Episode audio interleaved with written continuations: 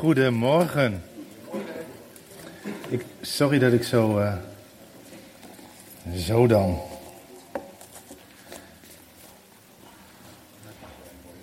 Dankjewel, dankjewel. Na zo'n moment van avondmaal en gedenken wat Jezus voor ons gedaan heeft. Wat de ene keer meer binnenkomt dan de andere keer, hè.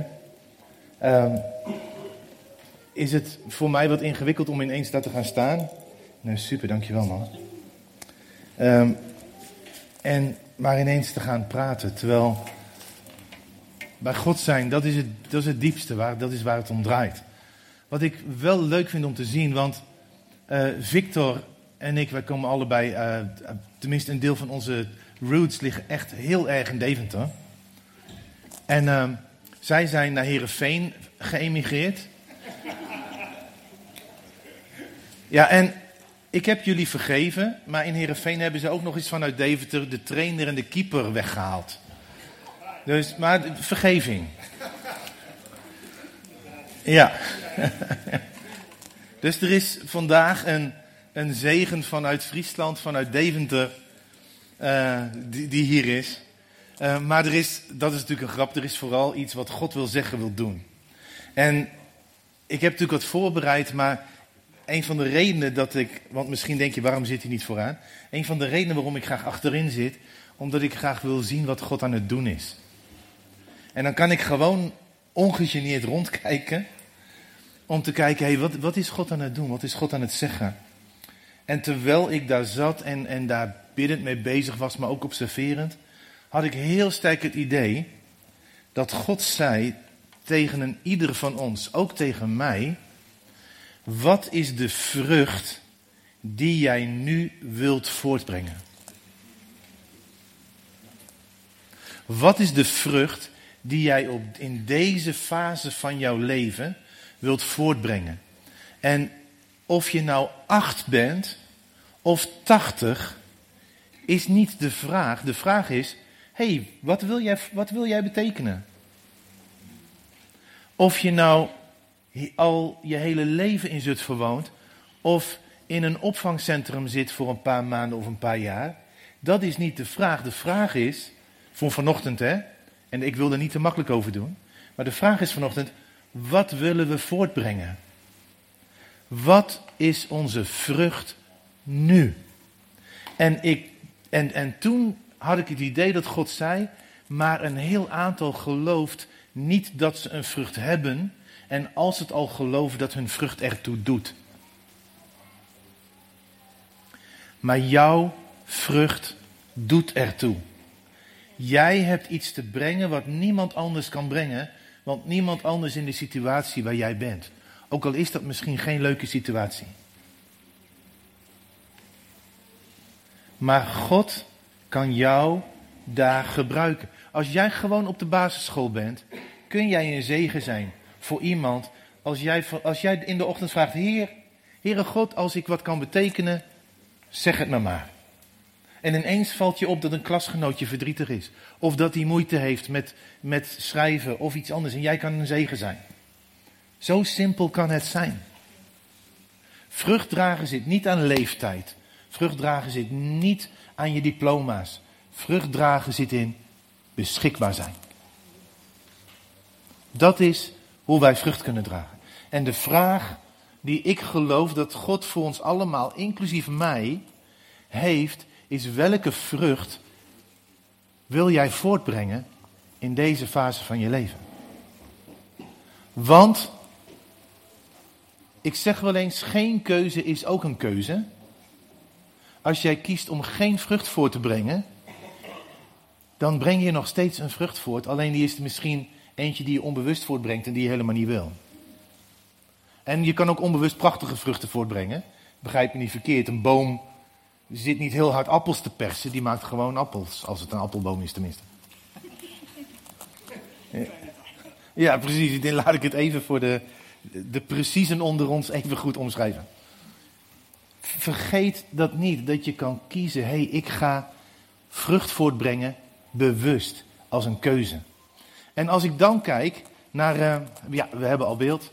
Um, ik wil er wat over zeggen, want dat boompje wat er staat, dat is wat, wat heet, hoe het heet, wat ik tegenwoordig aan het doen ben. Maar als je daar meer van wil weten, vraag me, mail me, whatever. Gaan we het vandaag niet over hebben. Maar ook voor mij is er ook een nieuw seizoen. We gaan eens kijken naar het verhaal van David. Ik klik, maar ik vraag toch of jij wil klikken. ik had mijn eigen ding meegenomen, maar dat helpt niks. Er is een verhaal in, uh, in het Oude Testament en dat is best een apart verhaal. Wat gebeurt er namelijk? Er is oorlog. En oorlog, wij lezen dat en nu, nu met Oekraïne komt het voor de meeste van ons dichterbij. Maar dit was voor dat land een oorlog die misschien wel ging bepalen of ze bleven bestaan. Hè? Dit was een hartstikke heftige oorlog. Wij lezen het verhaal, we kennen de uitkomst, maar dit is super intens. En de broers van David, die zijn daar aan het slagveld. En die weten, het zou wel eens het laatste kunnen zijn wat ik ooit doe. En David is te jong en blijft thuis. En dan zijn, oh, ik, dit is mijn fantasie voor een deel, vergeef me. Maar ik stel me dan voor dat die broers zijn de lunch vergeten. En dat dan uh, tegen David gezegd wordt: David, breng even de lunch. Nou, dan komt daar je kleine snotbroertje aan. Jij zit daar de stoere soldaat uit te hangen. En dan komt daar je kleine snotbroertje aan met je lunchpakketje. Dat is bijna net zo erg als dat de conciërge roept. Uh, ja, uh, Mark, je moeder heeft het brood gebracht. Kun je het zo even ophalen? Dus ik denk dat het ongeveer in dezelfde. Hè, we, we, hebben de environment hier, dus dat is het gevoel erbij. Daar komt dat snotjong aan met de lunch. Dat is de setting. Dat is de setting. En wat gebeurt er dan? Dan uh, hoort David, en dat verhaal kennen de meesten van ons wel. David die hoort dat er een of andere Filistijn, een vijand van uh, voor hun gevoel 83 meter lang, hij zal een meter of drie zijn geweest of zo, dat die daar staat te roepen, kom maar op en als je mij kan hebben dan heb je gewonnen, maar ik ga je pakken. En hij zegt ook nog eens, en die God van jullie is een loser. Het staat iets anders, maar je snapt het idee, hè? En dan zegt David, zegt, um, uh, die zegt dan, als die aan mijn God komt, komt hij aan mij. Het, de, de cateringjongen, hè? Die zegt, als ze aan God komt, komt hij aan, kom je aan mij. En dan zegt hij, ik pak hem. Vrije vertaling, hij zegt, ik pak die gast. Want als je aan God komt, kom je aan mij. En de koning, die hoort dat. Koning Saul, die hoort dat. En die zegt dan, uh, oh nee, nog eentje terug. Toen de woorden die David gesproken had gehoord werden, in de tegenwoordigheid van Saul, dus de koning had, die hoorde daarvan, liet hij hem halen. Dus hij zegt, haal die cateringgast hier naartoe. Dat zei hij niet, maar daar kwam het op neer. Hè? En David zegt tegen Saul, laat geen mens vanwege hem de moed laten zakken. Uw dienaar zal gaan en met de Filistijn strijden. Hij gaat er naartoe, hij zegt, ik ben beschikbaar. Ik ben beschikbaar. Was het de bedoeling van iemand dat David daar was als strijder? Nee. Was dit nogal, hoe zeg je dat, improvisatie? Ja toch? Niet van God, maar voor ons gezicht wel. Hij had gewoon bij de schapen zullen zijn. Hij kwam alleen maar een lunch brengen. Was dit een vooropgezet plan van David? Nee. Vooropgezet plan van Saul? Nee. Vooropgezet plan van de vader van David? Nee. Vooropgezet plan van God? Waarschijnlijk wel. Maar niemand herkende dat op dit moment. Saul was gewoon blij dat er iemand was die gek genoeg was. En dat is wat het soms vraagt om vrucht te dragen. Gewoon er zijn en gek genoeg zijn. Laten we eerlijk zijn, gewoon dat je denkt, wat de hek, ik ga het gewoon doen. Niet in overmoed, maar hier, hier ben ik. Ik heb geen idee wat uitkomt, maar ik ben er wel. Dat is wat er, uh, wat er hier ook gebeurt. Hij was daar per ongeluk. En het volgende dia, ik geef het op met dit ding. En dan zegt Saul tegen David: Je bent niet in staat om naar deze Filistijn te gaan, om met hem te vechten. Want jij bent een jongen en hij is een strijdbare man van zijn jeugd af. En dan komt er iemand die zegt, joh, ik, ik, ik snap dit, ik weet dit gast. Ik heb hem door, moet je niet doen. En dan gebeurt er iets interessants. En dat is een lange tekst, maar op de volgende dia staat hij. Toen zei David tegen Saul, uw dienaar weide de schapen van zijn vader en er kwam er een leeuw of een beer die een schaap van de kudde wegnam. Dan ging ik hem achterna, sloeg hem neer en redde hem uit zijn bek. En als hij mij dan aanviel, greep ik hem bij zijn baard. Hij pakte dus gewoon een leeuw bij zijn manen, hè. Uh, en uh, uh, sloeg hem neer en doodde hem. Uw dienaar heeft zowel leeuw als beer verslagen. Zo zal deze onbesneden Filistijn, dit is een scheldwoord. Hij zit daar gewoon die Filistijn uit te schelden. Hè? Tegenwoordig gebruiken we andere woorden, maar dit was echt een, dit was niet aardig om te zeggen. Die onbesneden Filistijn. Eventjes voor de setting. Uh, zijn als een van hen, net als die beer en die leeuw, omdat hij de gelederen van de levende God voor schut heeft gezet. Verder zei David, de Heere die mij uit de klauwen van de leeuw gered heeft en uit de klauwen van de beer, die zal mij redden uit de hand van de Filistijn. Hij zegt tegen Saul, ja, jij denkt dat ik niks kan, maar God heeft mij voorbereid toen niemand keek. God heeft mij voorbereid toen niemand keek. En misschien dacht ik zelfs, ik heb daar verder niks aan, het moet nu gewoon gebeuren. Het is gewoon mijn job.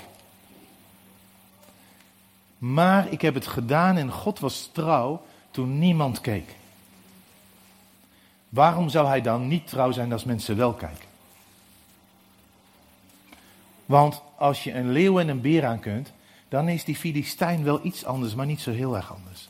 Het is nog steeds een overmacht waar je staat, maar waar God je sterker maakt. Toen niemand keek, toen was hij trouw.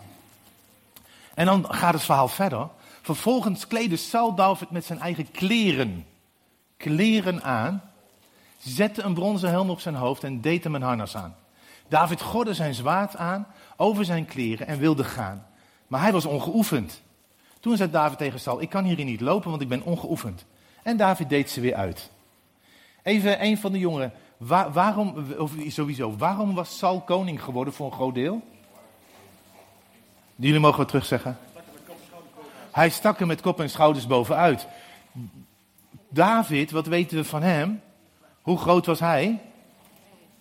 Niet bijzonder groot, hè? Hij was vrij klein. Dus hij kreeg daar de kleren van Saul aan. Saul was een kop groter. En zegt in verhouding met mij was, was David ongeveer dit. Ja, als je mijn lange jas aan hem geeft, dan struikelt hij. Maar hij kreeg zijn kleren aan. Hij kreeg niet alleen zijn wapenrusting, hij kreeg de kleren van de koning. En hij kreeg de wapenuitrusting van de legerleider. Toch? Dat is wat hier gebeurt, hè? En dat is interessant om te weten, want David die trekt ze weer uit. Want, let op, en dit is waar het, waar het denk ik om gaat vanochtend voor een groot deel. David was niet in het seizoen van koningschap. Kwam dat seizoen nog? Jawel, maar dat was nog niet zijn seizoen. Hij was ook nog niet in het seizoen van legeraanvoerder. Dat zou nog komen, maar dat was het nog niet. En dat herkende David. David zei: Dit past mij niet. En soms streven wij naar dingen die misschien God voor de toekomst heeft gesproken, maar die ons nu nog niet passen. Of die God voor de toekomst heeft bedoeld, maar die ons nu nog niet passen. David kwam daar als herder. Niet als legerleider, niet als koning, niet als muzikant, hè, wat ook nog een, een, een periode in zijn leven geweest is. Niet als de tempelbouwer. Hij kwam daar in het seizoen van herderschap. En dan gaan we naar de volgende dia, met dat te weten. Hij nam een staf in zijn hand. Hey, herder. Koos voor zich vijf gladde stenen uit de beek. Hey, herder. Deed ze in zijn herderstas. Die hij had te weten in de zak. En zijn slinger was in zijn hand. Hey, weer een herder. Hij kwam als herder in het seizoen van herderschap met de kleding en de spullen van een herder. Horen wij later nog dat de haalskoning een slinger gebruikt? Nee, want dan is dit seizoen voorbij. En ik geloof dat dat iets is wat God wil zeggen. Welk seizoen ben jij? Is jouw seizoen, waar, waar, waaraan herken je wat God aan het doen is? Wat zie je wat God doet? Waar merk je dat God jou heeft voorbereid? Toen niemand keek. Wat heeft God jou gegeven, getraind, jouw passie bij neergelegd toen niemand keek? En wat betekent dat nu? Welke vrucht brengt dat nu voort met hetgene wat God je nu heeft gegeven? Als David alleen maar vooruit had gekeken en had gezegd: Ik wil koning worden, had hij die kleding aangehouden en had hij gefaald. Want dat was niet waar God hem op had voorbereid op dat moment. En hij kwam in die hele situatie per ongeluk. En misschien zit jij wel in een situatie van je denkt, hoe ben ik hier terechtgekomen? Maar dat betekent niet dat God niet een vrucht voor jou heeft. Dat hij niet iets heeft voor jou om voor te brengen. En sommige dingen moeten we gewoon doen. Ons werk, onze opleiding, gewoon op school. Dat zijn gewoon dingen die moeten gebeuren. Net als dat David het lunchpakketje moest brengen van zijn vader. Maar dat betekent niet dat God er niks mee kan. En dan gaat het nog verder. Daarna zei de Filistijn tegen David: Kom maar naar me toe. En dit, even voor de duidelijkheid, wij lezen dit: Kom maar naar mij toe. Dan zal ik je vlees aan de vogels in de lucht geven en aan de dieren op het veld. dit is, en zeker op een zondagschool, dit is hoe het voorlezen. Ik heb een beetje fantasie. Denk hier even bij zo'n indrukwekkend muziekje van zo'n Amerikaanse filmtrailer. Ja, ben je er klaar voor? Ja? Ik ga jouw vlees aan de vogels geven, verspreid en niemand zal jou ooit meer terugvinden. Krijg je een beetje het idee? Ja? Ik vind dit gewoon leuk, hè? Maar dit was super intens. Er staat daar een gast die niet een kop groter is, maar drie koppen groter. Twee keer zo breed. En zijn, eh, volgens mij was, was alleen al het handvat van zijn zwaard vijf kilo of zoiets. Zo was dat. Dat is bizar. Zijn, zijn, zijn armen, zijn, zijn uh, ding wat hij om heeft, zijn, zijn harnas zeg maar. Alleen dat ding was al zo zwaar dat wij denken, doe even een paar wieltjes. Daar liep hij mee, dus dat was super indrukwekkend. Maar David zegt tegen de Filistijn: U komt naar mij toe met een zwaard, met een speer en met een werpspies. Maar ik kom naar u toe in de naam van de Heer, van de legermachten, de God, die de, geleder, uh, de God van de gelederen van Israël, die jij trouwens belachelijk hebt zitten maken. Hoe verre God jou en mij ook heeft voorbereid, uiteindelijk is het God die de vrucht geeft in hoeverre wij ook denken dat wij fantastisch zijn. En dat als dat met de meesten gebeurt dat, dat we een moment hebben dat we denken, oh eigenlijk ben ik best wel goed. God boft best wel met mij. En dat is meteen niet een ramp, hè? God zegt, oh wacht even, jij was de boffert, hè? En dan denk je, oh ja, dat is waar ook. Maar God is degene die de echte wasdom geeft. Maar wij zijn nog steeds degene die daar beschikbaar zijn. Want als David de steen niet had gegooid, was er nog steeds heel weinig gebeurd. Maar het was God die hem daar bekrachtigde. Want, en dan gaan we even naar de volgende dia, want dit is waar het uit voortkwam. Toen niemand keek, had hij God gezien. Toen niemand keek, had hij God gehoorzaamd en gewoon gedaan wat moest gebeuren. Een van de redenen dat ik wegkom met spreken voor groepen, is omdat ik gewoon trouw ben geweest in meer dan twintig jaar onderwijs. Dan denk je, ja, wat heeft dat ermee te maken? Nou, weet je, als je 30 jongeren bij de natuurkunde kan houden, dan lukt een gemeente ook wel. Het, het klinkt maf, maar het is wel zo. Ik heb gewoon gedaan, en dat had ik pas door later, hè. Toen ik terugkeek, ik heb gewoon gedaan wat ik moest doen. En maar toen ik het aan God gaf, ging hij het wel gebruiken. Wat heeft God bij jou gedaan toen niemand keek of toen het gewoon moest gebeuren? Wat heeft God jou gegeven aan het leren kennen van Hem in situaties toen misschien niemand keek en dat nu anderen daar de vruchten van mogen plukken. Wat heeft God jou gegeven in dit seizoen? En dan de volgende klik, want dat vind ik een mooi plaatje. Hebben we een klik? Eentje, eh, als het goed is, komt er nu een mooi plaatje van een beer. Maar uh, hij vindt van niet. Oh, nee. nou, we beginnen opnieuw. Goedemorgen, ja precies. dat is ook het voordeel van onderwijs. Als je een keer af het geluid, je gaat gewoon verder waar je was. Toen niemand keek, toen was David in zijn wandel met God. En wat is dan de vrucht in dit geval? Volgende dia. En de hele gemeente zal weten dat de Heer niet door zwaard of speer verlost, want de strijd is van de Heer. Hij zal u in onze hand geven. David weet donders goed, ook al is hij degene die beschikbaar is en het offer misschien wel brengt, dat het uiteindelijk de wasdom afhangt van wat God geeft. Dat beseft hij zich te degen. Is hij het enige voorbeeld? Nee, er zijn er meer. Volgende dia. Bijvoorbeeld, Mozes. Wat gebruikte God bij Mozes? Ik hoop dat het werkt met één klik. Klik, alsjeblieft. Nee. Nou, wat gebruikte God bij Mozes? God gebruikte zijn staf. En wat was zijn staf? Daar zat zowel zijn herderschap als zijn leiderschap in. God gebruikte dat. Wat gebruikte God bij Nehemia? Nou, Nehemia was gewoon een bureaucraat. Met veel connecties. En die had hij, gewoon omdat hij zijn werk deed. En wat ging God gebruiken? Dat hij een bureaucraat was, dat hij dingen kon regelen en dat hij connecties had. God gebruikte dat. Toen niemand keek, deed hij wat later nodig was toen iedereen keek. En als we dan kijken naar Daniel.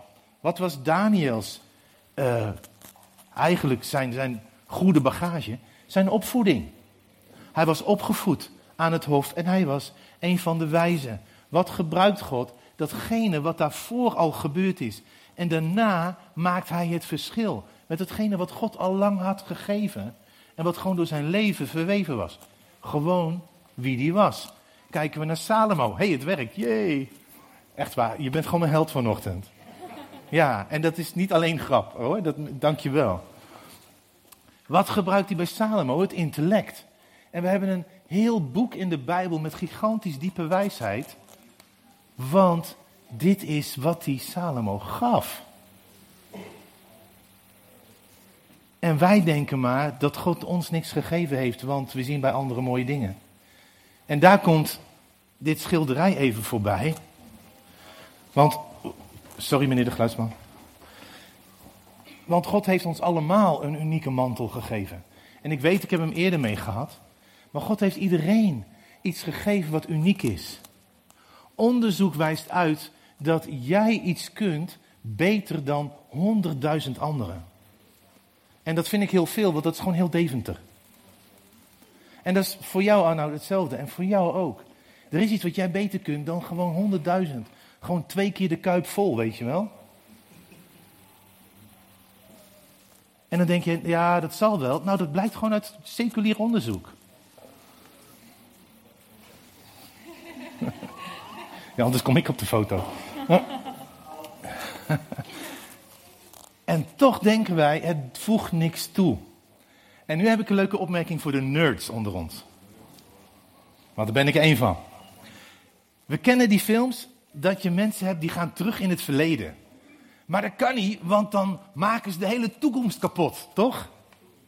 Ja, hè, dan, dan, hebben ze allemaal invloed op de toekomst en dat is niet goed. En dan gaat van alles mis, want als ze ook maar iets doen, dan heeft dat ongelooflijke gevolgen. Waarom denken we niet over wat we nu doen zo? Dat wat wij nu doen eigenlijk ongelooflijke gevolgen kan hebben in het positieve. We denken alleen als het terug in de geschiedenis gaat dat het uitmaakt. Maar wij maken nu vandaag geschiedenis. Wij hebben een ongelooflijke invloed op de toekomst. Het kan zijn dat als jij iemand alleen maar een complimentje geeft, dat die persoon zich die dag beter voelt en iemand anders weer zegent. En dat het een domino-effect is waar jij niet van hebt, weet. En dat je in de hemel denkt, waarom komen zoveel mensen mij bedanken? Waarom geloven we niet dat wij vrucht dragen? Waarom geloven we niet dat wij invloed hebben? En dan bij Paulus, de staat schriftgeleerde, dat is niet helemaal waar, maar ik heb niet een beter woord wat heel kort is. Hij was een geleerde, hij kende het woord. En zodra hij tot bekering komt, wat gebruikt God? Zijn kennis van het woord. En het is een ongelofelijke zegen geweest. Volgende dia. En wat is het dan? Onze persoonlijke wandel met God. Jouw vrucht, jouw wandel. En dat zit verbonden aan jouw bestemming. Aan wat God heeft klaargemaakt, heeft voorbereid de goede werken om in te wandelen. Maar daar hoort bij dat wij durven geloven dat Hij dat heeft. En er is nog iets bij, want het gevaar van dit is dat je denkt, het draait om mij. Ik, het, ik moet kunnen bloeien en daar draait het om. Maar volgende dia, het gaat nooit buiten het fundament. Nooit. En wat zegt Jezus, als je mij lief hebt, hoe laat je dat zien? Door gewoon te doen wat ik heb gezegd. Wij zijn niet Lone Rangers. Wij zijn niet lui die, die zeggen het gaat nu om mij en iedereen moet dienen wat God mij heeft gegeven. Het gaat erom dat we doen wat Jezus ons opdraagt. En een van die dingen die Jezus ons opdraagt is elkaar te dienen. Dus het is nooit buiten het fundament. En dan, volgende dia, kom ik op een ander, andere wapenrusting. En daar wil ik een paar dingen van noemen. Hebben wij de helm des heils? Sorry. ik, ik heb gevraagd of ze dit willen doen voor de, af, de afwisseling. Ja. De helm des heils. Wij denken dat die helm des heils alleen maar is zodat we denken vanuit onze redding. Maar is, het, is de helm des heils. Weet je, want wat is heil? Dat is redding, dat is het beste. Als ik naar jullie kijk, wens ik jullie heil toe? Kijk ik met de helm des heils ook naar mijn omgeving? Ga ik om met mensen zoals Jezus dat zou willen? Heb ik echt een helm des heils die het koninkrijk vertegenwoordigt? Of is de helm des heils een egoïstische helm des heils?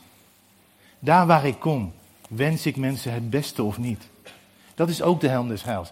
En bijvoorbeeld, de, geschoeid met het evangelie des vredes. Daar waar ik ga, breng ik vrede of breng ik verdeeldheid? Het vraagt ook van mij wat, als ik de wapenrusting van God aantrek, dat ik vrede breng. wat, wat, was het ook alweer? De vredestichters zullen kinderen van God genoemd worden, weet je nog? Wij denken dat het iets is wat voor ons comfortabel is, maar het is iets wat maakt dat we kunnen gaan en vrucht dragen. En dan hebben we bijvoorbeeld uh, rechtvaardigheid. Zijn wij gewoon echt, zijn wij recht? Klopt het wat wij doen? Zijn wij ook zelf recht en rechtvaardig? Of, of wiebelen wij soms? Want als wij een goede vrucht willen voortbrengen, dan is het belangrijk dat wij vrede brengen. Dat wij kijken door, door de helm des heils. Dat wij waarheid leven. Niet alleen verkondigen, maar leven. En zo zitten hier nog meer lessen in. In hoe wij dat kunnen doen. Maar dan, en dat is de volgende dia, is het gevaar dat wij toch andermans wapenrusting aantrekken. Dat als jij denkt bijvoorbeeld, en ik noem maar even een voorbeeld, ik wil een spreker zijn, dat je denkt, oh dan moet ik doen wat Giovanni doet. Nee, want wij zitten niet in hetzelfde seizoen. En wij hebben niet dezelfde wapenrusting. Wat God in jouw leven aan het doen is, zegt veel meer over jouw wapenrusting dan iemand die hetzelfde lijkt te doen. Je kan geïnspireerd raken door iemand.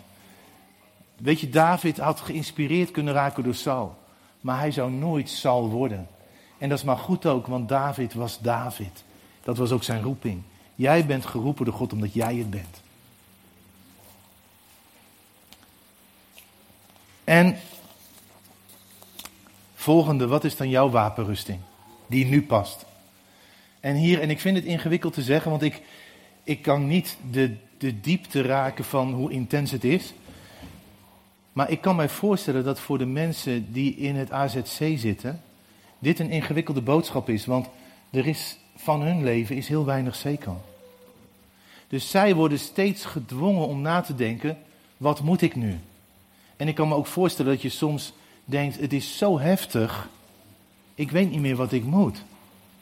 Maar nog steeds zegt God, maar ik heb wel een plek voor je om vrucht te dragen. Ik kan jou in deze situatie gebruiken tot zegen. Maar het verschil van ons die hier wonen is dat wij niet gedwongen worden tot die keus. Dus kunnen voortkabbelen op wat we doen. Maar die keus voor ons is niet minder actueel dan dat die is voor de mensen wiens leven steeds lijkt te veranderen. Want een veranderend leven dwingt je tot de keuze, maar een leven wat egaal lijkt te gaan, kan de keuze juist op de achtergrond brengen. Maar welke vrucht wil jij voortbrengen vanuit God? Welke vrucht wil jij voortbrengen? Volgende dia, die haalde ik ook al aan. Want zijn maaksel, wij zijn zijn maaksel. In het Engels staat, we are his masterpiece. You are his masterpiece. Weet je waarom? En onthoud dit, vergeet dit nooit. Want God maakt geen troep. Of jij nou acht bent of tachtig, vergeet nooit, God maakt geen troep. Hij maakt meesterwerken. En ik kijk soms ook in de spiegel en dan denk ik ook, waar ging het mis? En soms denk ik, het lag aan de spiegel, maar meestal niet. Maar dat is niet hoe God naar ons kijkt. God kijkt naar ons zoals hij misschien zelfs wel keek naar de chaos toen de geest over de water zweefde. Hij dacht niet, wat een puinhoop, hij dacht, hier ga ik wat moois van maken. En dat is hoe hij naar jou en mij kijkt. Hier ga ik wat moois mee doen. Hier ga ik wat moois van maken. En dan gaat het verder geschapen in Christus Jezus. Om goede werken te doen. Die God van tevoren bereid heeft. Opdat wij daarin zouden wandelen. Hij heeft ze al voorbereid. Ga er maar in wandelen. Want wat jij hebt geleerd toen niemand keek. Dat mag je ook gaan doen. Of mensen dan wel of niet kijken. Dat is eigenlijk bijzaak. En dan de laatste dia. Maar raak daarbij nooit kwijt dat wij geworteld zijn in Christus. Dat als we hier avondmaal vieren, dat we weten. Hij is de basis. Maar hij is ook de bron van ons leven. En daarmee ook van onze vrucht. Vergeet dat nooit. En dan zullen wij zijn als bomen geplant aan waterstromen. Heb ik nog een plaatje van die zijn vrucht voortbrengt op zijn tijd. Wiens loof niet verwelkt. En alles wat hij doet, komt tot bloei, zegt een vertaling. En, dat, en met de grondtekst klopt die vertaling wel. Zullen we dat kiezen? Heer, ik heb misschien geen idee in welk seizoen ik zit, maar wilt u het laten zien, zodat ik vrucht kan dragen? Ik heb geen idee in welke situatie ik terecht ben gekomen en wat u ermee kunt, maar ik wil voor u vrucht dragen. En dat is de ene vraag die ik zo ga stellen voor het gebed. Maar er is een tweede vraag. En de tweede vraag is, voor hen die knetterdruk zijn om vrucht te dragen zonder aan, te denken aan de ware wijnstok. Mag God jouw doelen terug hebben? Mag God jouw verlangen naar succes, mag Hij dat terug hebben, zodat je misschien iets minder succesvol bent, of misschien wel meer, dat is niet waar het om gaat. Maar zodat je gefocust bent niet op je succes, maar op je vrucht. Want de Bijbel zegt nergens wees succesvol. Hij zegt wees vruchtbaar. Meerdere, meerdere keren. En soms ziet succes er hetzelfde uit als vrucht. Maar soms ook niet. Maar daar gaat het niet om. Want wij zijn gemaakt om vrucht te dragen. Hoe jong, hoe oud je bent. Waar je zit, in welke fase. Er is altijd een seizoen. Maar vergeet niet dat seizoen te herkennen. Laten we bidden. Heer, ik wil u danken. U bent een trouw God, u bent een geduldig God. U bent een liefhebbend God, u bent een God die het goede met ons voor heeft. Heer, en u bent een God die ook door ons heen wil zegenen, wil werken, wil vrucht voortbrengen. Heer, en ik bid ook dat u ons helpt om te beseffen in welk seizoen we zijn dat we vrucht dragen die past bij ons seizoen. Dat we vrucht dragen die past bij wat u in ons leven hebt voortgebracht. Vrucht die past bij wat u op dat moment van plan bent. En heren, als we zo voor u staan. En uh, ik, ik vind het wel, uh, het, is, het is wel wat, maar ik wil je vragen dat als jij wilt zeggen, Heer, wilt u door mij heen vrucht dragen en mij helpen het seizoen te herkennen? En als deze vraag voor jou op dit moment niet, niet een vraag is die speelt, blijf lekker zitten hè. Maar als dit voor jou een vraag is die speelt, ga maar staan. Ga maar staan met daarmee te zeggen, Heer, hier ben ik om in dit seizoen vrucht te dragen.